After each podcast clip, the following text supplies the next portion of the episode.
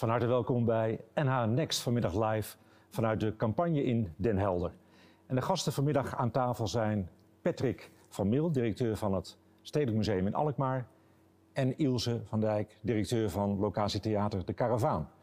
Mijn naam is Ger Welbers, ik ben directeur van Alkmaar Marketing en van de WVV Hart van Noord-Holland.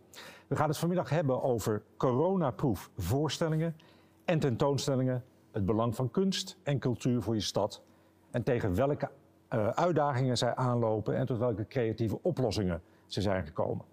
Ik begin met Patrick. Patrick, uh, welkom. Uh, afgelopen dinsdag werd bekendgemaakt dat jullie binnenkort open kunnen, opnieuw. Ja, gelukkig. Gelukkig, 1 juni aanstaande. Ging de champagne open in Alkmaar? Dat niet, want we waren niet samen. Hè. We zijn ook allemaal aan het thuiswerken. Ja. En om allemaal thuis een champagnefles te ontkurken, dat is ook wat. Hè. Maar, uh, maar nou, figuurlijk wel. Uh, we, we, wisten dat het eraan zat te komen. En we waren ook al een heel eind voorbereid op het anderhalve meter museum. nee, vreselijk blij. Ja. Heerlijk. Nou, de, de mensen die het Stedelijk Museum in Alkmaar kennen, die weten ook dat het vrij ruim van opzet is. Hoeveel mensen mogen jullie ontvangen in het museum? Uh, wij mogen ongeveer 50 mensen per tegelijkertijd in het gebouw hebben. Maar we hebben ook per zaal voor onszelf nog een maximum bepaald. Ehm, en we hebben een, een online reserveringssysteem gemaakt waarbij er per half uur steeds 20 mensen kunnen starten. en we hebben twee looproutes gemaakt door het museum zodat iedereen rustig en veilig overal doorheen kan lopen. En nou ja, ik heb er alle vertrouwen in dat het goed gaat. Museumbezoekers zijn over het algemeen gedragen zich ook redelijk rustig. Ja. Um, dus dat zal wel goed gaan. Uh, en ja, als het goed gaat, kunnen we ook opschalen. Iets. Dus, maar ja. ik zal al blij zijn als dit goed gaat lopen. En het reserveringssysteem is al opengesteld? Nee, dat gaan we maandag openstellen. Okay. Ja, ja. Dus... We, je kan telefonisch al wel reserveren, maar we gaan maandag het reserveringssysteem openstellen. En dan, dan kan iedereen zich aanmelden. Ja, nou, we gaan er straks verder over praten met elkaar. Ook Ilse, Ilse van Dijk aanwezig van locatietheater De Karavaan. Um, voor jullie had het echt heel veel consequenties, hè, dat alles stil kwam komen te liggen. Ja. Kan je nog even uitstellen, uitleggen wat het concept van de Karavaan is en waarom het zoveel impact had ja. op jullie? En nou ja, Caravaan heeft natuurlijk niet een gebouw, hè? net zoals het museum wel heeft, of zoals een schouwburg wel heeft. Dus Caravaan bestaat pas op het moment dat we iets doen. En we doen jaarlijks uh, een uh, groot festival, wat met locatietheater, met verschillende voorstellingen. Je moet je voorstellen dat dat 200 verschillende voorstellingen zijn, op allerlei plekken rondom Alkmaar. Uh, en dat kon niet doorgaan. En we zouden 3 april met de kaartverkoop starten. Ik zeg ook wel, godzijdank waren we daar nog niet mee gestart. Hè? Want het is ook heel veel werk om dat allemaal weer, dan, dan helemaal weer clean te maken. Want je zei 200 voorstellingen? Ja, die worden uh, dan uitgevoerd. Hè? Dus we ja. hebben dan uiteindelijk zijn dat 40 producties die tezamen 200 voorstellingen doen. Ja. En niets kon ja. daarvan doorgaan? Of was er nee. op dat moment nog niet duidelijk wat wel... Nee, gewoon niets kon doorgaan? Nee, niets kan dan doorgaan. Je hebt natuurlijk mm -hmm. een festivalconcept. En het festivalconcept is natuurlijk ook dat daar allerlei uh, programma bij zit. Contextprogramma's. We maken een programma rondom een maatschappelijk thema. En raad eens wat dat thema was dit jaar. Groeizucht. ja. Ja, word je ja. dus ingehaald door de realiteit. Je ja. ja, je wordt dus gewoon ingehaald door de realiteit. Ja.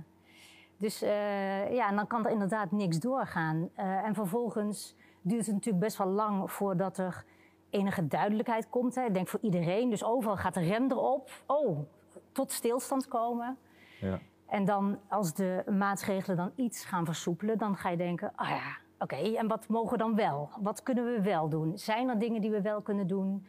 Uh, als dat niet zo is, hè, dus als je kijkt naar wat we zouden gaan doen, daarvan kan je niks doen op de manier zoals we het hadden Mhm. gewild. Ook niet onderdelen daarvan. Dus eigenlijk gewoon niks is daarvoor geschikt. Maar dan ga je toch kijken of je um, dan iets nieuws kunt doen. Ja, dan zit je in de culturele eh, sector. Hè? ja. Een en al creativiteit. Ja. Hoe gaat zoiets dan? Als je gaat nadenken over wat kan dan wel? Ja, uiteindelijk denk ik dat uh, bij ons is natuurlijk ook een enorme drijfveer om wat te doen. Juist omdat we niet zichtbaar zijn, omdat wij niet dat gebouw hebben. Dus uh, voor ons, je moet je ook voorstellen, Caravaan is een club van ZZP'ers. Dat hangt van ZZP'ers aan elkaar. Dus iedereen komt er tot stilstand en is meteen gedoemd tot de bijstand. Hè?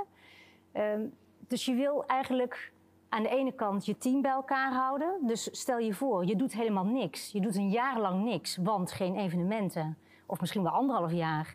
dan is je team inmiddels ook iets anders gaan doen. Heb je dus eigenlijk geen team karavaan meer. Mhm. En dat geldt dan ook voor je uh, programma. Daarin kon je natuurlijk al helemaal niks doen. Maar daarin zijn, je, zijn er een aantal kunstenaars. We produceren ook zelf, we co-produceren en we programmeren. Het gedeelte wat je programmeert, dat is nog het meest eenvoudig zou je kunnen zeggen. Want daar zitten gezelschappen achter. Hè? Maar we produceren ook zelf. Dan heb je een andere verantwoordelijkheid. Net zoals je dat eigenlijk naar je andere ZZP'ers hebt. Want die heb je namelijk een opdracht gegeven. Dus die stel je eigenlijk bovenaan. Dan denk je, ja, met deze mensen wil ik eigenlijk wat kunnen doen. Wij moeten eigenlijk iets laten zien. En als je dan er ook over nadenkt hoe onze sector in elkaar zit, hè, de podiumkunsten. Nou, dat zit vast in stoelen. Je kent de plaatjes wel. Wat er dan overblijft in zo'n zaal. Ja, wij doen locatietheater. Dus wij werken altijd al met beperkingen. Uh, deze zijn overigens wel extreem, hè, want ook voor ons heeft dat enorm veel consequenties. Maar doordat we locatietheater doen, denk ik dat wij ook de meeste mogelijkheden hebben. Wij zijn al gewend met protocollen te werken. We zijn gewend om alle veiligheid al helemaal in kannen en kruiken te hebben voordat überhaupt iets begint, hè, voordat je in je proces begint. Dus ja, ik denk eigenlijk van de hele sector is het locatietheater eigenlijk nog het meest kansrijk. Ja, nou, jullie hebben die kans opgepakt. Hè? Jullie hebben iets, uh, iets bedacht, iets heel moois. Ja. Een speciale voorstelling. Ja. Kan je daar iets over vertellen? Ja, het is een uh, theatrale drive-through. Je kent natuurlijk het drive-in-principe, waarbij je met je auto naar een film kijkt bijvoorbeeld. Maar een drive-through, dat is ook letterlijk wat het doet. Dus je gaat eigenlijk door een gebouw. En dan hebben we in Alkmaar een fantastisch gebouw. Want je kan ook denken, ja, dat kan dus nergens. Dat is ook zo. Dat kan dus nergens. Maar wel in Alkmaar. Want daar staat een oude drukkerij. Aan de Edisonweg. Aan de eh, Edisonweg. Ja. Die van uh, het Noord-Hollands Dagblad, hè, waar nu niet meer gedrukt wordt. Al jaren niet meer, want dat is naar Amsterdam gegaan. Of Almere, wil ik vanaf zijn. Ehm, maar daar kun je dus letterlijk doorheen rijden. Want daar reden ook heftruckjes doorheen. Dus wij gaan eigenlijk precies op de plekken waar je ook met heftruckjes kon rijden gaan wij zorgen dat daar auto's doorheen kunnen rijden. En dan beleef je een voorstelling. Maar die scènes zijn natuurlijk allemaal in solo's, want corona. Ja. Nou ja, dat want corona, dat komt dan dus honderd keer in een productieoverleg komt dat dan terug. Ja, nou in ieder geval, wij hebben ook even gekeken uh, naar die voorstelling. Het blijkt dat het ook voor een regisseur bijvoorbeeld een enorme uitdaging is om zo'n voorstelling anders te gaan benaderen. Wij mochten kijken van de week bij de repetitie en we gaan even kijken naar de video die daar gemaakt is en het gesprek met de regisseur. Het idee van deze theatrale drive-through, coronaproof, uh, is van Caravaan. Ik werd gebeld door Ilse en die zei, uh, zou jij dat willen regisseren? En ik heb meteen gezegd ja. Ik wist nog helemaal niet wat we gingen doen, waar het over ging. Maar ik was zo enthousiast voor het vormprincipe alleen al, dat ik dacht, dit wil ik. En dan lig je wakker en denk je, maar waar moet het over gaan natuurlijk? Want de vorm is niks in het theater. Dat is ook het bijzondere aan theater. Dat het niet alleen maar een showtje is, maar dat je toch het echt wilt hebben over dingen ja, die mensen aan het hart gaan. Ik heb eigenlijk uh, iets, iets voorbereid voor deze vijf acteurs, die allemaal ook zelfstandige makers zijn. En in samenwerking met hun maken we uh, vijf korte scènes.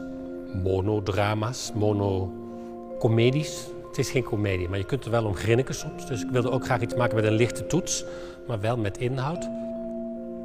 En eigenlijk leggen we de loop op, op de ziel, op de binnenkant van deze mensen die vastgelopen zijn. Die de macht over het stuur zijn kwijtgeraakt. Die geparkeerd zijn. Die zichzelf geparkeerd hebben omdat het niet anders kon. En hoe kom je dan weer vooruit? Dus eigenlijk is de vraag, waar rijd je op in het leven als je tot stilstand bent gekomen? En dat is een vraag waar je altijd mee zit als mens en in het coronatijdperk extra. Eigenlijk krijg je dus geen lineair verhaal, een anekdote zoals je in een speelfilm hebt van we gaan van A naar B. Je, je krijgt zijnstoestanden te zien van vijf mensen die proberen ergens eh, te ontdekken wat hun brandstof is, waar zij weer op gaan rijden. En, en zij met vijf vormen een mozaïek en ik maak een vlechtwerk eigenlijk. Uh, Wie Begroting, die de muziek maakt, uh, die is daar ook een grote steun bij, omdat uh, in de compositie het één werk wordt. Ik ontwerp ook zelf de kostuums, dus ik zorg ook dat de personages zoals ze vormgegeven zijn aan de buitenkant, dat wat ze dragen, hoe hun haar zit, bepaal ik mede met de acteurs een, ja, een weefsel eigenlijk, waarin al die elementen samenkomen en het toch een geheel wordt. Maar het blijft dat het vijf losse karakterschetsen zijn van mensen. Ja, hier is het mooi om te zien. Ja. Uit, uh, uit zo'n crisissituatie komt toch een prachtige mooie productie. Dat mogen we hopen. We zijn pas in de tweede week van de repetitie en vervolgens hebben we ook super korte tijd. Ja. Eigenlijk veel korter dan dat je normaliter zou nemen voor een productie. Heb jij er een inhoudelijke rol ook bij? Nou ja, kijk, uiteindelijk bepaal je een concept en met kaders. En vervolgens zijn Jos en ik dan eindeloos in gesprek over waarover moet het gaan. En dan begin je met iets.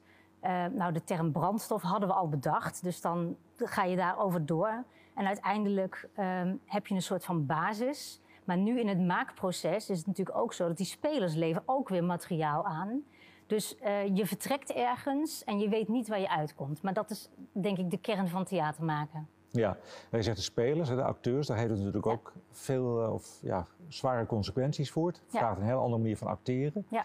Daar uh, mochten we vanmiddag ook even een video van laten zien. We waren van de week bij de repetitie. Ja. En een van de acteurs gaat daar ook even in wat de consequenties zijn van het op deze manier acteren. We kijken even naar de video. Stel jullie voor dat jullie naar ons keken vanuit die auto. Het is al fantastisch dat je iets mocht doen op zo'n locatietheaterfestival. Dus eigenlijk een heel jaar lang werkt je daar zo naartoe of je hebt dat in je gedachten. Uh, en dan, dat project ligt me ook gewoon nauw aan het hart, want ik schrijf het ook of ik bewerk het. Dus toen kwam corona en dan, dan denk je wel even, oké, wow, um, wat nu? Ik merkte dat ik zelf wel ook in het bewerken en zo even stagneerde, omdat ik dacht, is theater nog wel relevant? Of is alles wat ik nu opschrijf, moet dat daar dan mee te maken hebben, omdat dat zo'n grote invloed heeft in onze maatschappij? Maar dat blijkt eigenlijk helemaal niet zo te zijn, want mensen hebben nog altijd dezelfde problemen en, en liefdesverdriet en, en worden verliefd. En, en daar kan corona niks aan doen, wat heel fijn is. Dus zo de grote thema's blijven wel.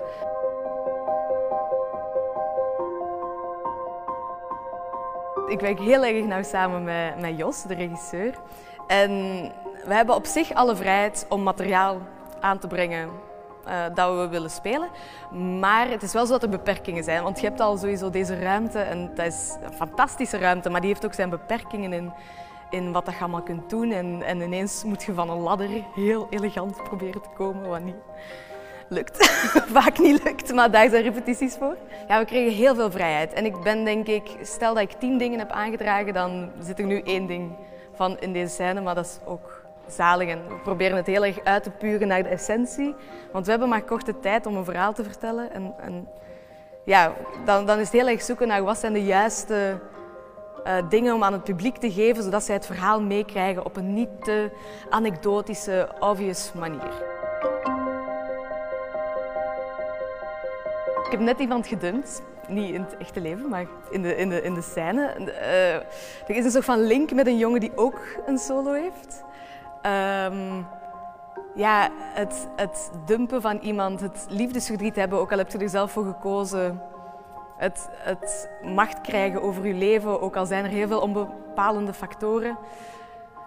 Um, daar gaat het over, denk ik. Over zo in de pijn gaan staan. Als er zoiets heftig gebeurt, zo, zoals een, een sterfgeval of inderdaad een relatie gaat uit of zo, dan, dan heb ik altijd het gevoel dat de wereld heel helder wordt rondom u. Ineens ziet je alles zo heel helder en worden heel veel dingen relatief. Dat gaat ook weer weg, dat is ook goed. Dan is het weer gewoon kut als het regent. Maar, maar dat is wel een heel mooi moment wat super kostbaar is. En, en ook al is er heel veel pijn en verdriet, zoals eigenlijk met corona, is het toch fijn dat je daarin, ja, dat daarin alles helder wordt. En ineens een spaghetti bolognese keigoed kan smaken. Ja, de energie van Marlies zal het niet liggen, denk ik. Nee, nee, die spaghetti bolognese die dan toch keigoed kan smaken, ja. Ja, dat is mooi. Ja. Maar nou ja, de kleine helemaal... dingen van het leven, ja. Ja, en wanneer ja. moet de productie klaar zijn, Ilse? 4 juni is de première, dus dan moet die klaar zijn. Ja. En dan kunnen we met onze auto langs de voorstelling rijden. Hè? Dan komt het op. Ja, uiteindelijk zie je dan één voorstelling, hè, want dat is het idee. Ehm, maar je route is natuurlijk is voor iedereen hetzelfde. En elk kwartier kunnen er zes auto's starten, dus dat is heel weinig. Hè? Ja. Corona-proof theater maken is ook uh, wat dat betreft een dure aangelegenheid. Dat is niet anders dan in de horeca of in het museum van, uh, van Patrick. Hè? Je kunt natuurlijk gewoon veel minder mensen kwijt. die acteurs die gaan best wel lang spelen. Dus drie uur spelen, pauze, twee uur spelen. En op zondag is dat net andersom. Maar dat is heel hmm. pittig. Normaal maar wat doet dat voor je, dat voor je business? Want, want dat betekent ook minder toeschouwers, minder inkomsten, terwijl je wel heel veel. Ja. Nou ja, normaliter zou je um, zo'n voorstelling met veel meer mensen uh, op een andere manier beleven. Hè? En dan uh, zou je anders in een landschap zitten bijvoorbeeld of op een tribune. En nu moet je dus eigenlijk twee keer zo lang werken om hetzelfde te kunnen bereiken. Hè, dus die acteurs spelen eigenlijk twee keer zo lang, zou je kunnen zeggen. Ja. Om hetzelfde aantal bezoekers te kunnen bereiken. Dus straks als je dan een voorstelling in een schouwburg zou hebben, of wij zo bijvoorbeeld in een landschap, hè, op een dijk bijvoorbeeld, wat dan ons tweede project zou zijn, um, dan is het zo dat je eigenlijk minder mensen aan kunt. En dus zou je die voorstelling twee keer moeten spelen. Om dan op hetzelfde te doen. Maar die acteurs krijgen natuurlijk met hetzelfde betaald. Want ja, anders kan het nog steeds niet uit. Hè, als Wat is daar de oplossing voor? Ja, die oplossing is er natuurlijk niet. Ik denk dat de kapper nu ook uh, twee keer zoveel uren maakt. En uh, dat het in de horeca niet anders is. Dus ik denk, als je het gaat kijken hoe zit dat met het ondernemerschap, dan is het ondernemerschap in de cultuur natuurlijk niet anders dan in een andere sector. Ja, we gaan er straks verder over praten, Ilse. Uh, ook even aan Patrick. Patrick, jij hebt een rijk verleden als het gaat om uh, musea. Hè? Je bent uh, directeur geweest bij een aantal musea, waaronder ook het Stedelijk Museum in Amsterdam en dan nu in Alkmaar. Wat zijn de grote uitdagingen voor de museumsector als je kijkt naar het leven na de corona? Um, nou, die zitten voor een belangrijk deel, denk ik, toch in uh, het gegeven dat je uh, in ieder geval een langere tijd minder bezoekers zult trekken. Uh, in ons geval gaat het bijvoorbeeld op omdat een deel van ons publiek de museumkaarthouder is, belangrijk deel. Dat zijn meestal de wat ouderen. Nou, ik denk dat die nogal even de kat uit de boom kijken. dat gaat voor heel veel andere musea ook op, voor ons ook voor een deel, omdat er veel minder toeristisch bezoek zal zijn. er zijn veel minder toeristische reizen. Uh, een ander deel van de, van de problemen zit in het internationale ja, wij maken tentoonstellingen die altijd wel verbonden zijn met de regio. We maken bijvoorbeeld, voor dit najaar hadden we een tentoonstelling gepland over Allard van Everdingen. Dat is een Alkmaarse meester. Die in de 17e eeuw heel belangrijk is geweest voor de ontwikkeling van het landschap als genre. Hij heeft prachtige landschapsschilderijen van Scandinavië gemaakt met ruige rotsen. En hij was eigenlijk de uitvinder van dat genre. Die man was zo goed uh, in zijn tijd al dat die werken uh, die zijn over de wereld verspreid geraakt. Dat geldt voor heel veel goede kunstenaars, net als met voetballers. Die gaan altijd daar waar het meest ja. te verdienen en prestige en geld uh, te verdienen valt. Uh, dus wij hebben een tentoonstelling voorbereid met bruiklenen uit Noorwegen, uit Kopenhagen, uit Duitsland, uit Kroatië, uit Amerika, uit Canada. Maar als zo'n schilderij naar Nederland komt, dan moet er alleen al vanwege de verzekering ook altijd iemand mee, een koerier. Uh, dan moet dat allemaal veilig en goed uh, over kunnen komen. Nou, dat is op dit ogenblik onmogelijk. Ja. Dus wij hebben heel veel, net als andere musea met dit soort ambitieuze tentoonstellingen, hebben heel veel tentoonstellingen moeten doorschuiven. Uh, één of twee jaar, in de hoop dat het dan weer enigszins mhm. genormaliseerd is. Maar hoe ga je die twee jaar overbruggen dan? Want je kan niet leeg staan met je Nee, nou ja, kijk, uh, we hebben, wat we hebben gedaan is, we hebben sowieso een aantal onderwerpen die wat minder afhankelijk zijn van die bruiklenen. Uh, we gaan volgend jaar bijvoorbeeld een tentoonstelling maken over uh, de kunstenaar Rudy van der Wind. Die 13 jaar geleden is overleden, die over, uit Den Helder kwam. Uh, en die, die naam zegt heel veel mensen niks, maar iedereen kijkt iedere avond naar de Tweede Kamer. En als je dan die rode en die blauwe doeken ziet, waar mensen voor die heeft Rudy van der Wind gemaakt. Kijk. Ehm, nou goed, dat, is, dat zijn bruiklenen uit Nederlandse musea, dus die kunnen we heel goed organiseren. Het andere wat we doen is ehm, dat we projecten met onze eigen collectie. Uh, en die ook heel erg op de regio gericht zijn. Uh, die we iets later gepland hadden, die proberen we nu naar voren te halen. Mm -hmm. dus, Omdat je daar logistiek meer eh, zelf uh, van ja, invloed kan precies, zijn op de dingen. Precies, ja. precies. Maar ook ah. omdat je weet dat, je, nou ja, dat je bij dat soort projecten ook niet afhankelijk bent van enorme toeristische bezoekersstromen. dus die, die kunnen ook al uit op het moment dat je met een, alleen een regionaal publiek bereikt. Mm -hmm. Want als je kijkt naar jouw bezoekersstromen, vindt die regio inwoner al het museum in Alkmaar? Ja, we hebben gelukkig een goed bereik in de regio, maar dat kan nog stukken beter. Ja. Um, uh, als je kijkt naar ons uh, publieksbereik, dan is dat uh, toch wel noordelijke Randstad. Veel uit de regio. de regio Noord-Holland boven Amsterdam. Mhm. Ehm, en als we een tentoonstelling hebben die goed aanspreekt, zoals de laatste tentoonstelling over de Torop-dynastie, Jan Torop, Charlie Torop. Ik weet nou, dan komen ze uit Dordrecht en uit Utrecht en uit Den Bosch en uit Leeuwarden. Ehm, en als we echt een internationaal belangrijk tentoonstelling hebben, dan komen er ook nog specialisten uit het buitenland en enkele toeristische bezoeken. Ehm, maar het, de, de, bezoeker uit de noordelijke Randstadvleugel is toch wel onze grootste doelgroep nu. Mhm. Ja. Ehm, even voor de kijkers ook, uh, als er vragen zijn aan Patrick of aan Ilse, dan kunnen die gesteld worden. Uh, dat kan online en dan nemen we de vraag mee om, uh, om te laten beantwoorden de deskundigen. Ook een vraag aan jullie beiden is eigenlijk, als je kijkt naar wat er bijvoorbeeld gebeurt in de wereld van de restaurants. Uh, die hebben gecreëerd dat er maaltijden afgehaald konden worden, wat ze eerst niet deden.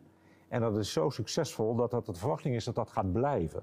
Zien jullie in jullie sector ook initiatieven die zijn genomen in de afgelopen periode, waarvan blijkt, hé, hey, die zijn eigenlijk heel succesvol en die zijn hier om te blijven, die gaan niet meer weg? Ilse, kun jij er iets over zeggen? Ja, binnen de podiumkunst is dat echt lastig. Want in de podiumkunsten gaat het over live contact. Dat is wat je beleving is. Hè? Ik denk eigenlijk, uh, wij grossieren in belevingen, zou je kunnen zeggen. Um, ik zeg altijd, stel je nou voor dat je een 90-jarige vraagt aan zijn sterfbed wat zijn mooiste herinnering was zal dat altijd een beleving zijn. En nooit die ene auto die ze gekocht hebben of die bank waar zo lekker op gezeten is. Dat is gewoon niet zo. Dus het is altijd een beleving. En als wij daarin mogen grossieren in dat soort belevingen, uh, dat is natuurlijk wat we willen doen. Uh, dus dat live, dat is heel mhm. belangrijk. En je ziet natuurlijk heel veel online dingen uh, ontstaan. En daarvan mag ik eerlijk gezegd hopen dat dat niet blijft. Waarom hoop je dat? Omdat dat een totaal ander idee is dan theater. Het is geen theater. Dit is natuurlijk eigenlijk een heel slecht surrogaat. Hè, het ja, is, aan de andere kant, het is, je kan niks anders. Maar... Nee, het trekt wel veel bereik hè, als je soms de aantallen ziet. Ja, maar dan hebben we het over bereik versus impact.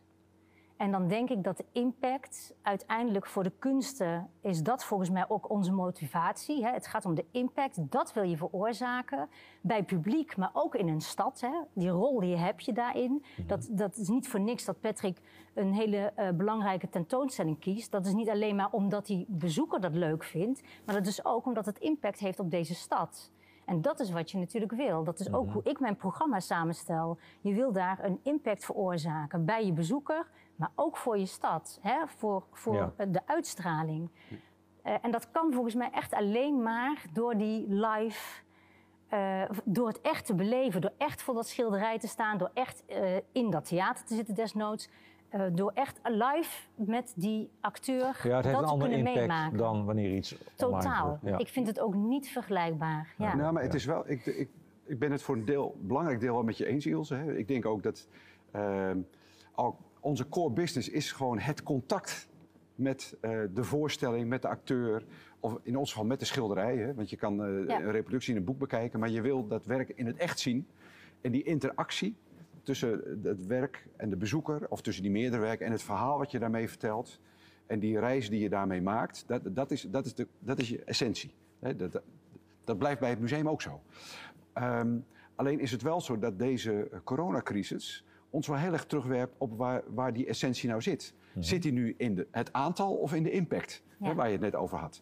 En uh, ik denk dat uh, musea zich nu ook realiseren, en dat uh, is volgens mij ook, uh, denk ik, in heel veel andere branches ook zo, ehm, dat de grote aantallen, uh, dat dat nogal uh, volatiel is. De grote aantal bezoekers. Ja, ja. precies. Ja. Terwijl uh, als jij iets maakt wat echt betekenis heeft, een impact heeft, en die groep is misschien niet super groot, maar wel heel trouw en weet je altijd te vinden, dan heb je op de lange termijn meer bestaansrecht.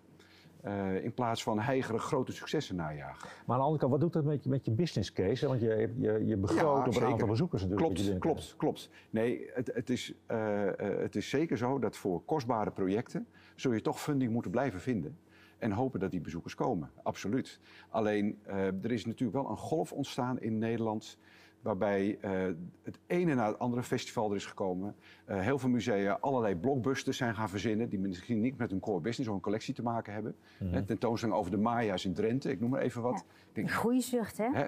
Dus dat is ja. die groeizucht. Ja. ik denk, ja, het blijkt dat je ook top tentoonstellingen kan maken met onderwerpen die met je eigen regio zijn verbonden. Wij kunnen ook een tentoonstelling maken over Rembrandt in de polder. Snap je? Dus daar, daar, gaat het niet om.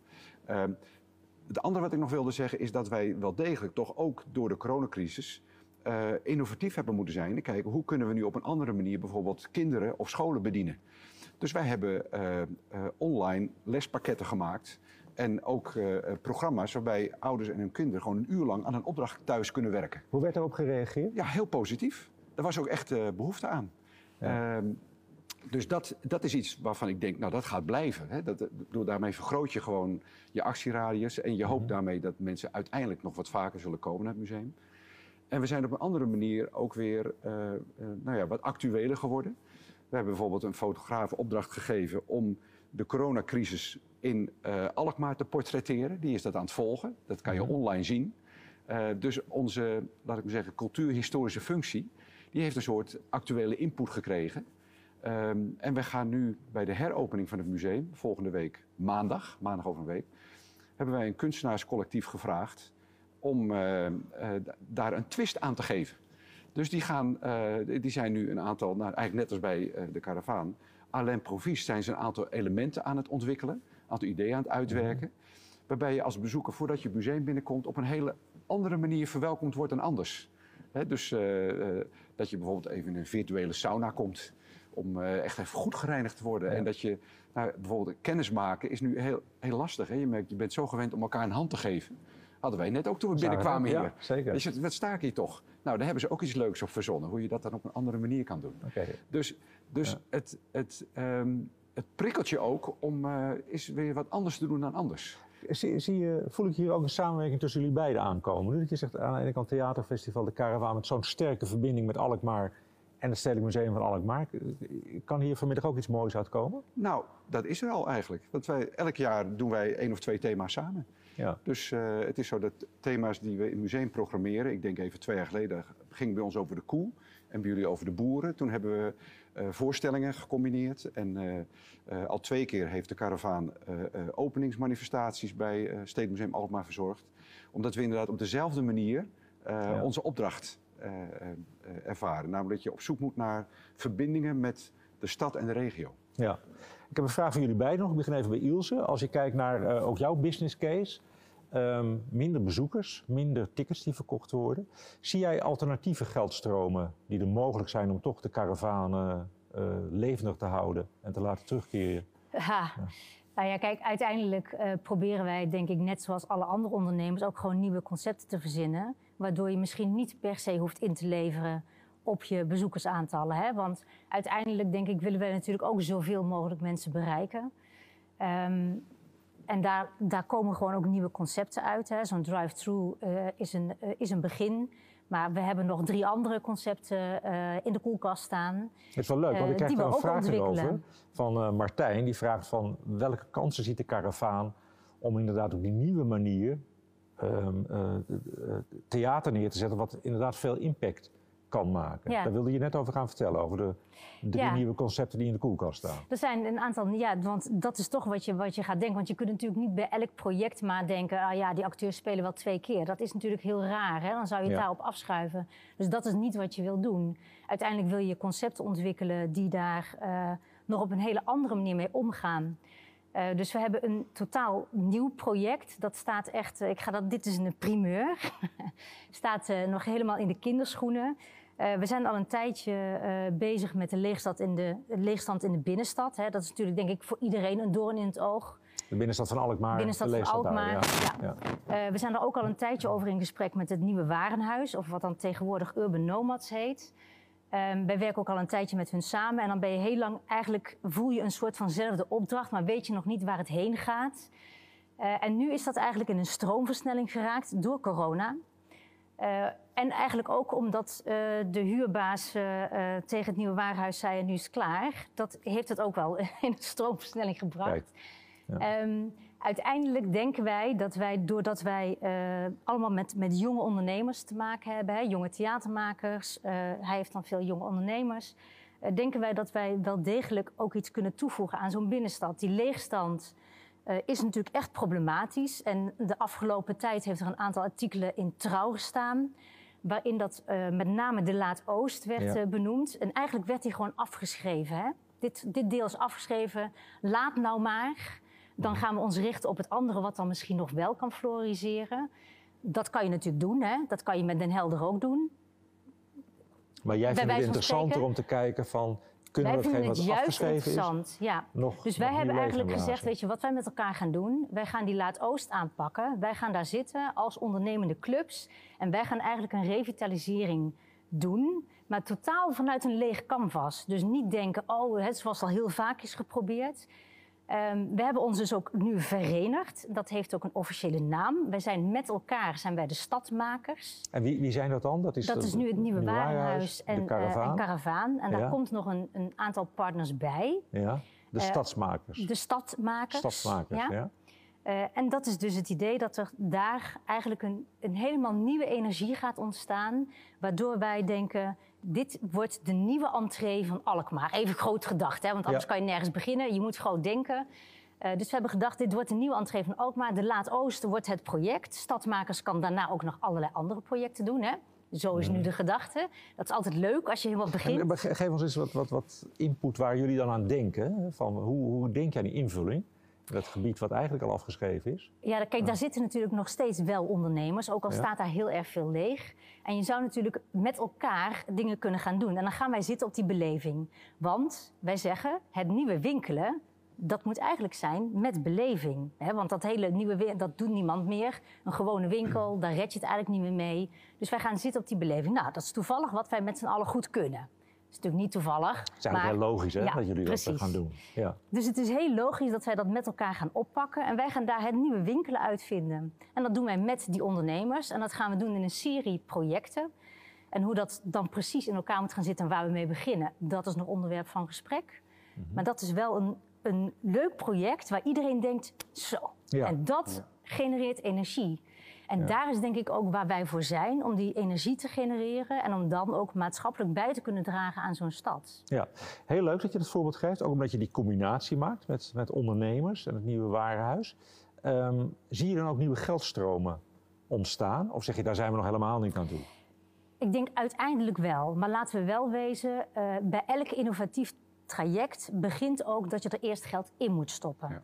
Nou, wij zijn allemaal clubs zonder geld we hebben ideeën, uh, we hebben uh, goede mensen die weten wat ze doen. We kunnen allemaal heel professioneel werken, maar we hebben natuurlijk niet een startbudget. Maar met alle innovatieve dingen is het natuurlijk zo dat je daar eerst geld in moet stoppen. En daarna denk ik wel, ze wel zeker dat dat dan zich ook weer terugbetaalt, maar ook dat het voortgezet wordt. Waar zou je die startbudgetten vandaan zien willen komen? Nou, laten we dan kijken naar uh, het leuke stimuleringsfonds dat nog moet worden opgezet. Mhm. Dat zou natuurlijk een, een uh, heel goed idee zijn om het daaronder te brengen. Ja, nou, dat is leuk, want de, de volgende vraag die wij binnenkrijgen, die uh, sluit daar ook op aan. Oké. Okay. Uh, dat is een vraag voor jullie beiden. Is er vanuit de overheid voldoende ondersteuning om deze tijd door te komen? Ga ik even met jou, Pepper. Ja, um, als ik kijk naar de musea, denk ik voor een deel wel en voor een deel niet. Ja. Dus de, de rijksinstellingen die worden voldoende gesteund. En voor de gemeentelijke instellingen is dat heel wisselend. Er zijn toch wel wat kleinere instellingen, uh, of wat, wat, kleinere initiatieven, en met name de podiumkunst, maar ook musea, die, uh, die vind ik door de gemeentes uh, onvoldoende gesteund worden. maar ik snap het wel, want die, die gemeentes die hebben het al moeilijk. en die hebben zoveel andere problemen. En er is de afgelopen jaren al enorm veel gedecentraliseerd en tegelijkertijd bezuinigd. Dus dat komt nu heel pijnlijk aan het licht. Ehm, wat ik wel denk, wat ik merk, uh, ook in gesprekken in Alkmaar hè, met ondernemers en met andere bedrijven, um, is dat men zo bezig is met uh, uh, overleven, hè, met, redden, met reddend zwemmen, zal ik eigenlijk zeggen. Ja. Terwijl ik denk dat dit ook het moment is waarop je wat verder moet kijken. Want dit is ook een moment van bezinning. Wat, wat, naar wat voor een stad willen we toe? Hoe gaan we ons met het platteland verhouden? En is het inderdaad groeizucht het enige of moeten we naar andere uh, businessmodellen toe. Misschien moeten we wel maar meer groen en meer voetgangersgebieden in steden om het verblijfklimaat te verbeteren. En moeten we die stad niet aantrekkelijk maken met alleen maar grote festivals, maar met veel meer blijvende thematisering, meer verblijfplekken, een veel gedifferentieerder en gespreider aanbod, waarmee je het leefklimaat ook op de lange termijn verbetert. En uiteindelijk meerwaarde oplevert. Ja, voor zowel bewoners als bezoekers. Als, als bedrijven, als bezoekers. Ja, precies. Ja. Exact. Ja. Um, En dan merk ik dat het denken toch al veel te snel ophoudt. Ja? Omdat Hoe iedereen... komt dat, denk je?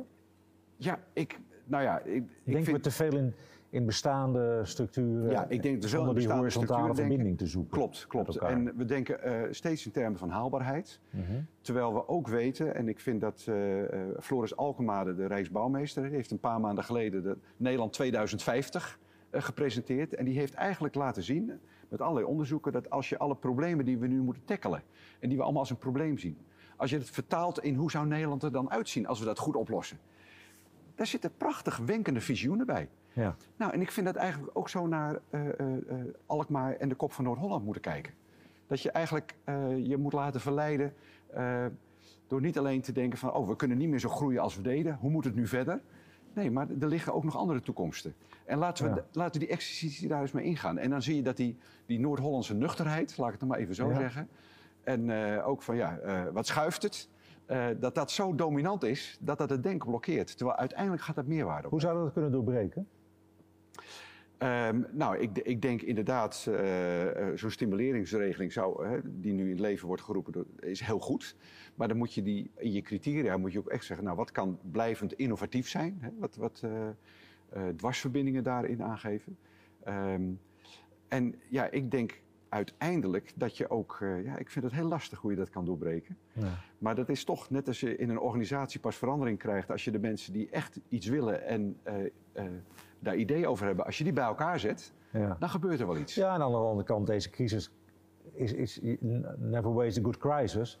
Het is te mooi om te laten gaan, want we hebben in, in, in twee weken tijd het CO2-probleem, het fileprobleem ja. en het stikstofprobleem opgelost. Ja. Het is zonde als we weer teruggaan naar die oude Precies. situatie. Nou, en een goed voorbeeld is, we zitten nu ook met de directeur van AZ aan tafel, snap je? Ja.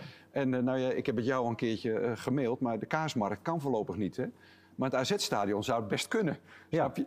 Uh, ik, het, is, het is een raar gedachte, maar het feit dat je elkaar nu spreekt en samen op zoek, goed naar, op zoek gaat naar oplossingen betekent ook dat er iets kan gebeuren. Dus probeer dat vast te houden op ja. moment. Ilse, waar zie jij de... de ja, jullie werken samen met het Warenhuis, dat is een nieuwe partnership. Waar zie jij nog meer voor jouw activiteit ideale partners zitten? Wie zou je heel graag willen verbinden aan de karavaan? Ja, ik denk dat dat is een beetje uh, hoe wij sowieso in elkaar zitten. Dus dat co-creëren met maatschappelijke partners, dat doen we eigenlijk altijd al. Dus dan zijn wij continu naar op zoek. Of op zoek. Eigenlijk komen we het ook tegen. Dat komt ook door de thema's die we dan agenderen. Um, bijvoorbeeld een van de partners waar wij al uh, veel mee samenwerken... zijn eigenlijk partners binnen de landbouw en landbouw en natuur. Dat past natuurlijk ook heel erg bij deze regio. Dat past heel erg bij deze regio. We hebben ook elk jaar daar veel programma in, uh, omdat dat uh, hier heel erg speelt. We zijn dus ook met een nieuwe voorstelling die in première zou gaan tijdens het festival. Die heet Kiem. Het is een boerendrama, wat trouwens ook Jos regisseert. Um, zouden we daar uh, al heel veel mee kunnen doen. En dat is wel een project waarvan ik denk, dat blijft heel erg belangrijk. Het gaat over uh, genetische modificatie. Dat is natuurlijk ook een onderwerp wat heel erg actueel is. Ja. En dat is wel een project wat we bij voorkeur nog nu doorontwikkelen, ook in coronatijd. En wat je juist met al die partners vanuit de landbouw wil blijven doen. Mm -hmm. en, uh, en, waar het net over gaat met hoe, hoe kan je eigenlijk weer opnieuw beginnen. Eigenlijk ook waar onze voorstelling over gaat. Um, wij werken vanuit locatietheater altijd vanuit een leeg canvas. En dat is heel ingewikkeld, want daarmee heb je geen enkel houvast. En eigenlijk zou dat mijn tip zijn ook voor ondernemers. Het is eigenlijk zo als je je bent natuurlijk heel erg gewend om dat wat je hebt, wil je eigenlijk toch proppen in die anderhalve meter samenleving. Want dat is wat je het liefste wil. Daar heb je al over nagedacht, daar weet je al van wat er werkt. En dus wil je dat stoppen in die anderhalve meter. Maar dat gaat natuurlijk niet werken. Zou je heel graag met ondernemers willen meekijken in deze tijd? want al die ondernemingen zijn bezig, al die ondernemers zijn nieuwe ja, Niet uh, dat ik overal de oplossing voor heb. Maar gewoon meekijken. Het is een andere manier, van, denken. denken. Ja. ja. ja. Nou, misschien zit daar een nieuw businessmodel in. Ja, wie weet. Ja. Ja, ja. ja. Nou, ik denk zeker wel dat kunstenaars überhaupt trouwens heel erg veel zouden kunnen bijdragen aan alles wat er nu leeft. En nu worden ze nog een soort van geparkeerd van... oh ja, jullie zijn allemaal ZZP'ers, vraag maar uh, een TOZO-regeling aan. Maar eigenlijk denk ik dat uh, er zoveel creativiteit zit in die kunstensector... Ja. Denk eens aan ontwerpers, aan de, aan de scenografen, die daar uh, aan regisseurs trouwens, die dat natuurlijk allemaal, die kunnen heel goed vooruitdenken. Hè? Ja. Dat is wat regisseurs namelijk doen, altijd al. Dus die, kunnen zeker een hele grote rol spelen. Ja. Mhm. Ben je daar positief over gestemd als je kijkt naar de toekomst? Dat je zegt van die, die verschillende dynamieken gaan meer naar elkaar groeien? Nee, want vanzelf gaat dat niet. Nee, maar daar ga je wel hard voor maken. Ja, daar maken wij ons al jaren hard voor. Dus, uh, en ik denk dat de kunstensector zich daar überhaupt al jaren hard voor maakt. En dat het vooral het bedrijfsleven is die denkt: oh, maar die kunstenaars. Um, terwijl ik denk, uh, het is een, uh, een van de uh, beste professies, zou je kunnen zeggen, waar het gaat over planningen. Het is nog never nooit gebeurd dat er een première wordt uitgesteld. Dat gebeurt gewoon niet. Mm Wij zijn altijd op tijd klaar. Hè? Uh, ook al zijn er tegenslagen. En dat heb je bij bedrijven eigenlijk niet. Die stellen maar uit. Terwijl ik denk, ja, uh, deal with it. Kom op. Hoezo moeten altijd bouwprojecten... Waarom zijn die nooit op tijd klaar? Dat kan toch eigenlijk niet? In het theater kennen we niet anders. Het is gewoon klaar. Ja.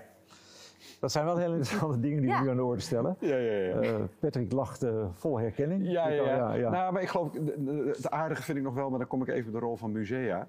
Waar Ilse terecht uh, heeft over de toekomst en dat creativiteit daarin heel belangrijk is. En ook het samenwerken en die crossover tussen disciplines. Hè, vind ik het mooie dat wij ehm, in musea ook door die verhalen over vroeger te vertellen en hoe kunstenaars toen reageerden, ook weer een hele mooie spiegel voorhouden en tot reflectie uh, brengen.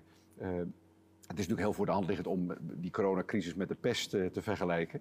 Ehm, maar we hebben een prachtige gegevens van de pest. Maar bijvoorbeeld ook over de, hoe gaan we om met het landschap en met de ruimtelijke omgeving. Dat is mhm. iets wat ook al jaren speelde. En als je ziet hoe zich dat heeft ontwikkeld in de loop der tijden, dat kan je bij ons in het museum heel mooi zien in tentoonstellingen, dan krijg je ook weer toch een hele andere blik. En die verhalen, die zijn ontzettend belangrijk. En ook die zoektocht naar wat is nou ons DNA, waar zijn we goed in? Hè, in, in deze regio. Nou ja, Alkmaar, Markstad, in een agrarische omgeving. Maar tegenwoordig betekent dat enorm veel innovatie en ICT en industrialisatie eigenlijk. Hè? Uh, en hoe verhoudt zich dat tot vroeger? En uh, welke ideeën hebben we daarover? En hoe zouden we dat verder kunnen ontwikkelen? Nou, daar hebben culturele instellingen en musea hebben daar een hele interessante rol in. Ja. Nou, ik vind dat een prachtig mooi uh, slotakkoord. We zijn helaas op de tijd heen. Maar ik wil jullie ontzettend bedanken. Ilse van Dijk, directeur Caravaan. Patrick van Meel, directeur Stedelijk Museum. Um, volgende week zijn we weer met een nieuwe livestream op NH Next. En dan Jon Ruigrok en Jan de Dood. En die gaan dan weer in op de actualiteiten die zij hebben ervaren in de afgelopen week. Dat is dinsdag 26 mei om 2 uur s middags. Voor nu in ieder geval bedankt voor het kijken en graag tot de volgende keer.